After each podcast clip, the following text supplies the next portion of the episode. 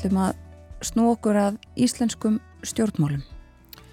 Já, viðbröðaríku ári í stjórnmálum er að ljúka og við ætlum að ræða um pólitíkina hér næstu mínúturnar.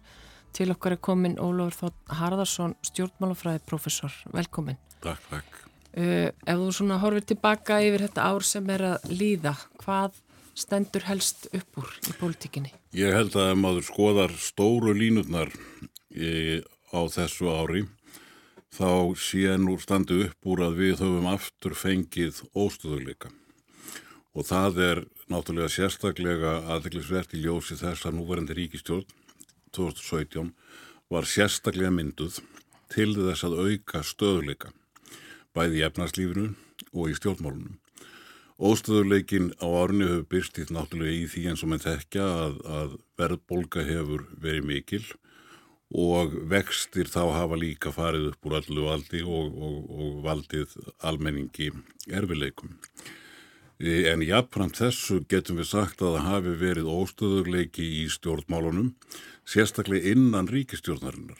Því að þó að ríkistjórnin hafi haldið velli og haldið áfram, að þá hafa átökin innan ríkistjórnarin verið mjög ábyrrandi óvonægja kannski sérstaklega í þingflokkum og græsrótflokkana frekar heldur en kannski meðal helstu fórustumanna hefur verið mjög enginandi og það hefur komið hvert málið á fætur öðru þar sem að hefur verið byllandi ágreiningur innan ríkistjórnarinnar.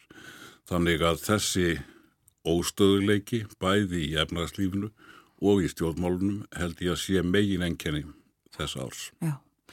Já, það, uh, einmitt eins og þú nefnir, það, það var komið upp þó nokkur uh, tilvik á árunni sem er að líða þar sem að var talað um að, að það hrykti í stjórnarsamstarfinu einlega.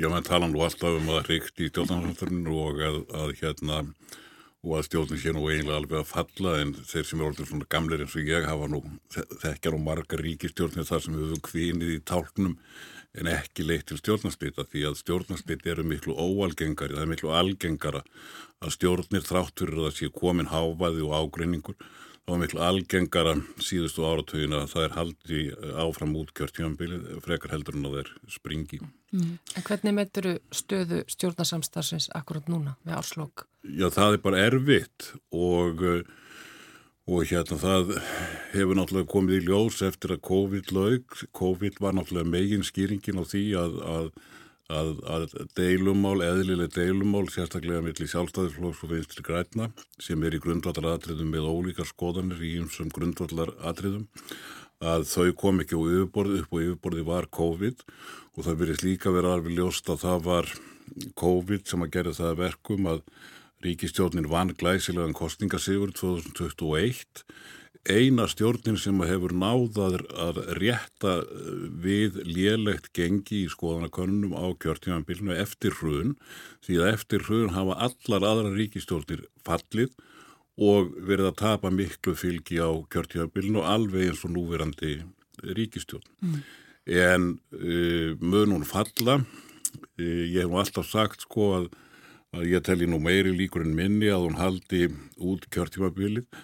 Og ég er nú ennþá þeirra skoðunar en hins vegar sko eru merkin um uh, að samstarfið sé brotætt sem því það hefur bara farið vaksandi og uh, maður, er, maður er hérna, það kem, kæmi manni minna og óvart núna ef stjórnin springi heldur en, heldur en kannski fyrir einu árið eða tveimur. Já, og sko ég, það er ennþá þokkalega langt í kostningar að óbreyttu mm. en uh, flokkarnir uh, allir eiga það nú sameinlegt mismikið þó að uh, fylgi við þá eins og segir það hefur verið mingandi stöðningur við ríkistjórnina og við þessa flokka sem hann að mynda síðustu, já það er bara undan farin misseri núna hvenar fara flokkarnir að svona hugsa sérstaklega um það að fara að huga að næstu kostningum og reyna að rétta við sitt eigið fylgi kannski á kostna samstarfsins?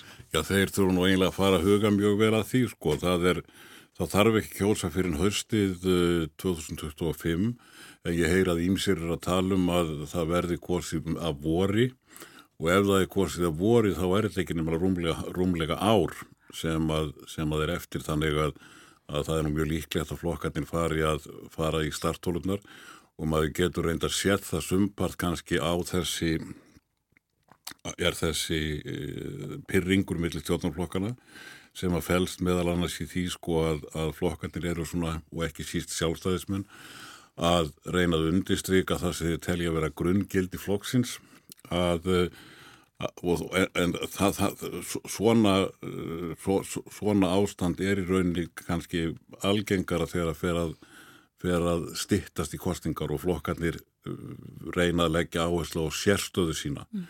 e, tala nú um í ríkisjóð sem að er svona breið eins og, eins og núverandi stjórn. Já er hægt að fara að tala um, sko það er eh, kannski annað eins og þú sagir, það er oft talað um að það hrykti í stjórnarsamstarfi yðurlega, eh, það er líka stundum sagt að fylgi við ríkistjórnina sé að verða sögulega lágt, það er auðvitað kannski að verða sögulega lágt fyrir þessa ríkistjórn, en ekki svona ef að litið er lengra tilbaka. Nei, alls ekki fyrir, ekki e, ef við, ef við skoðum fylgis uh, þróun ríkistjórna eftir hrun, þá er þessi bara dæmigerð.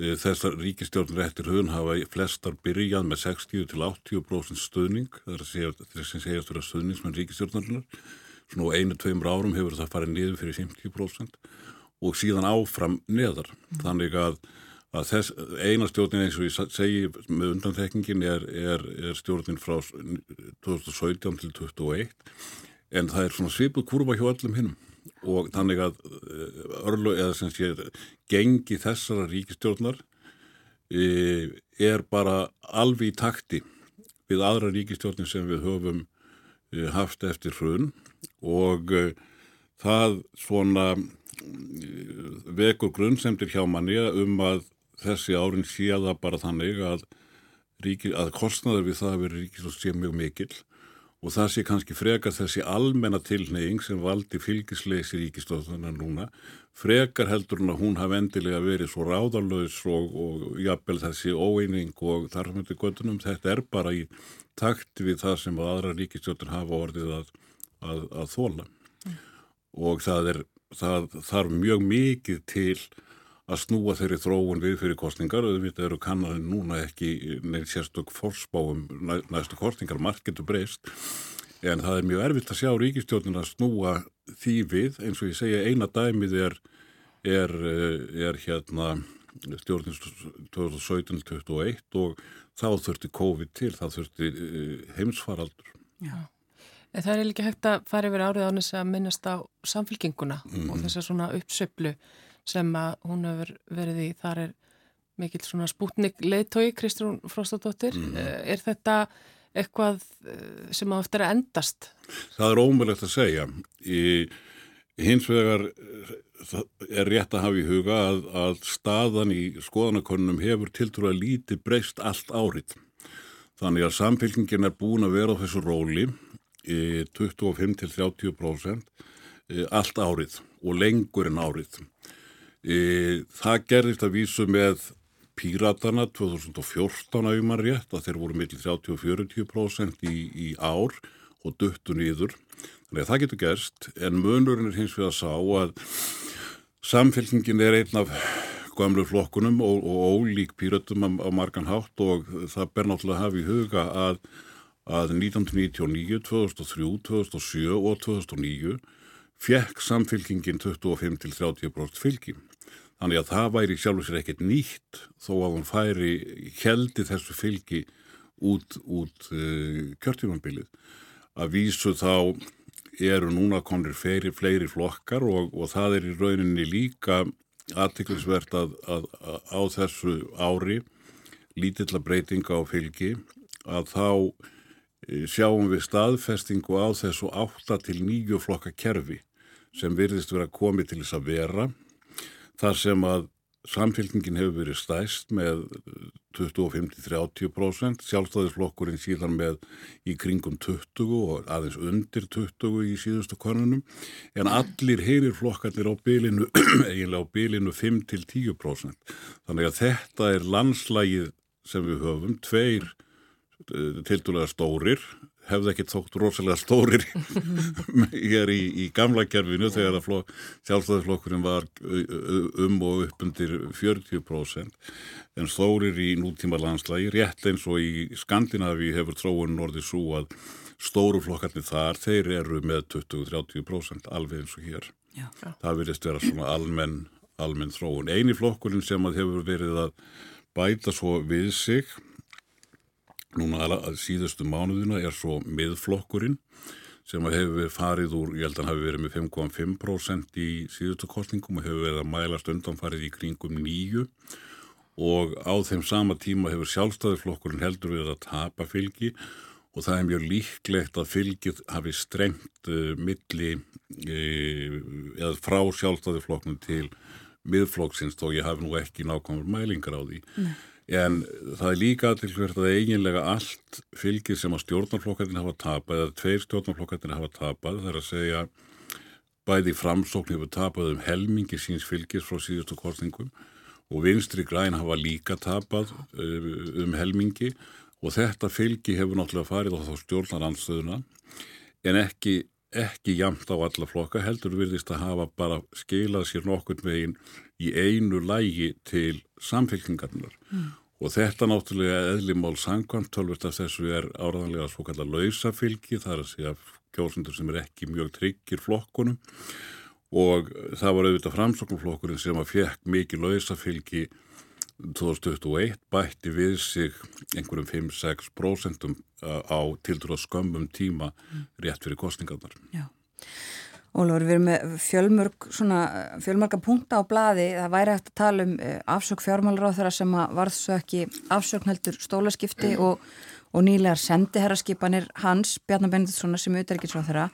Um, sko, mun þetta hafa einhver áhrif fram á veginn? Ég, ég held að þau verði ekki mikil. Nei. En þá að einmitt uh, næsta ári, stóru málunum á næsta ári, ef við horfum aðeins fram á veginn, það er strax bara í byrjun árs uh, eru lausir kjærasamningar. Já, það hefur nú við, menn að gerðan talið að það er því erfiðasta verkefni ríkistjónarinnar á, á komandi ári að það væri að, að taka, taka eða að, samningar eru lausir og það er náttúrulega sérstaklega vand með farið á tímum þegar að er mikil verðbólka og háir vextir. Og ríkistjóðnar fóristan talar um það í hverstgifti sem að hún tjáir sig um þjóðmálinn að það sé algjört forgangsverkir með ríkistjóðarnar að ná niður verðbókunni og, og vöxtunum.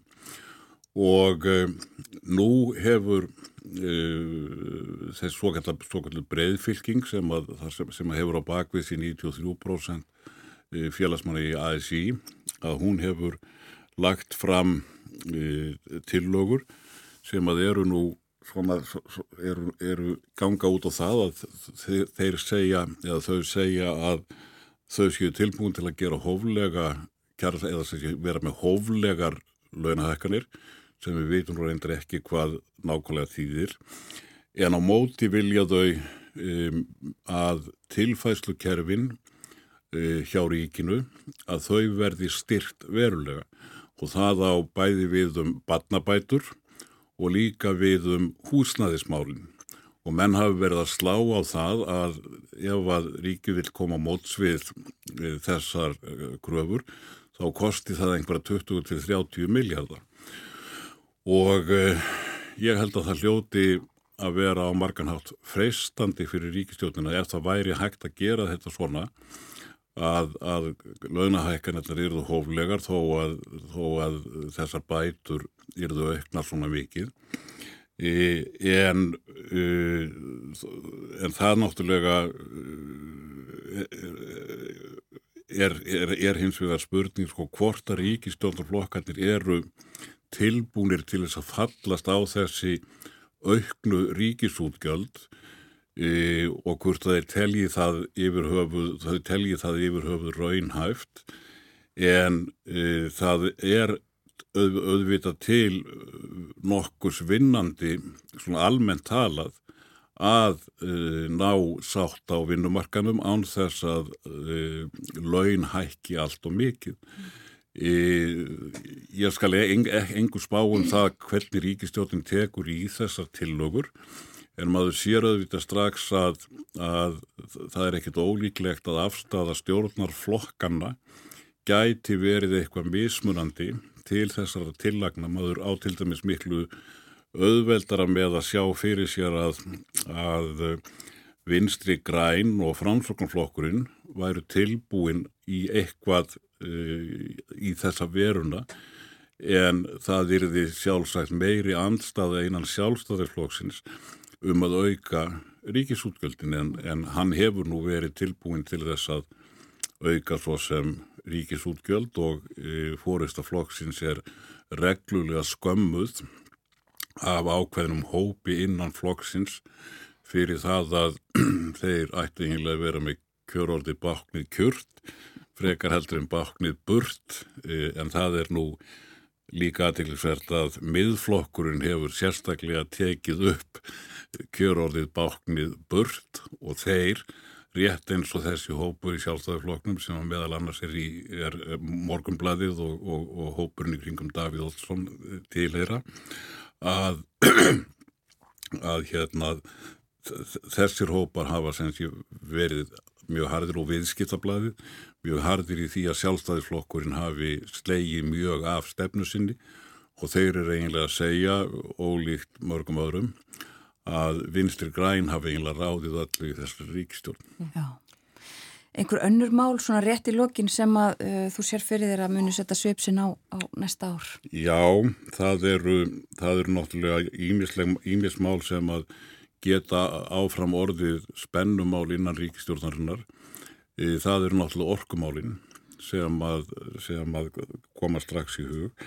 E, það eru útlendingamálinn sem að áfram maður sér ekki hérna í sjálfu sér eina sérstaklega lendingu í því og síðan held ég að það verði afar fróðlegt að sjá hverjar verða tillögur Svandísa Svavastóttur um sjávarútiskerfið. Hún hefur bóðað frumvarp um sjávarútiskerfið og það hefur þegar komið í ljós að, að útvegsmenn eða samtök útvegsmanna eru nú ekki mjög hrifin af því þannig að það gætu verið, gæti verið miklar, miklar, mikil anstaða við, við þær hugmyndir e, e, bæði í sjálfstæðifloknum og kannski líka framsökulfloknum. Við komumst ekki lengra. Takk fyrir að fara yfir árið og líta til þess næsta Ólafur Þóttn Harðarsson, professor í stjórnmálafræði.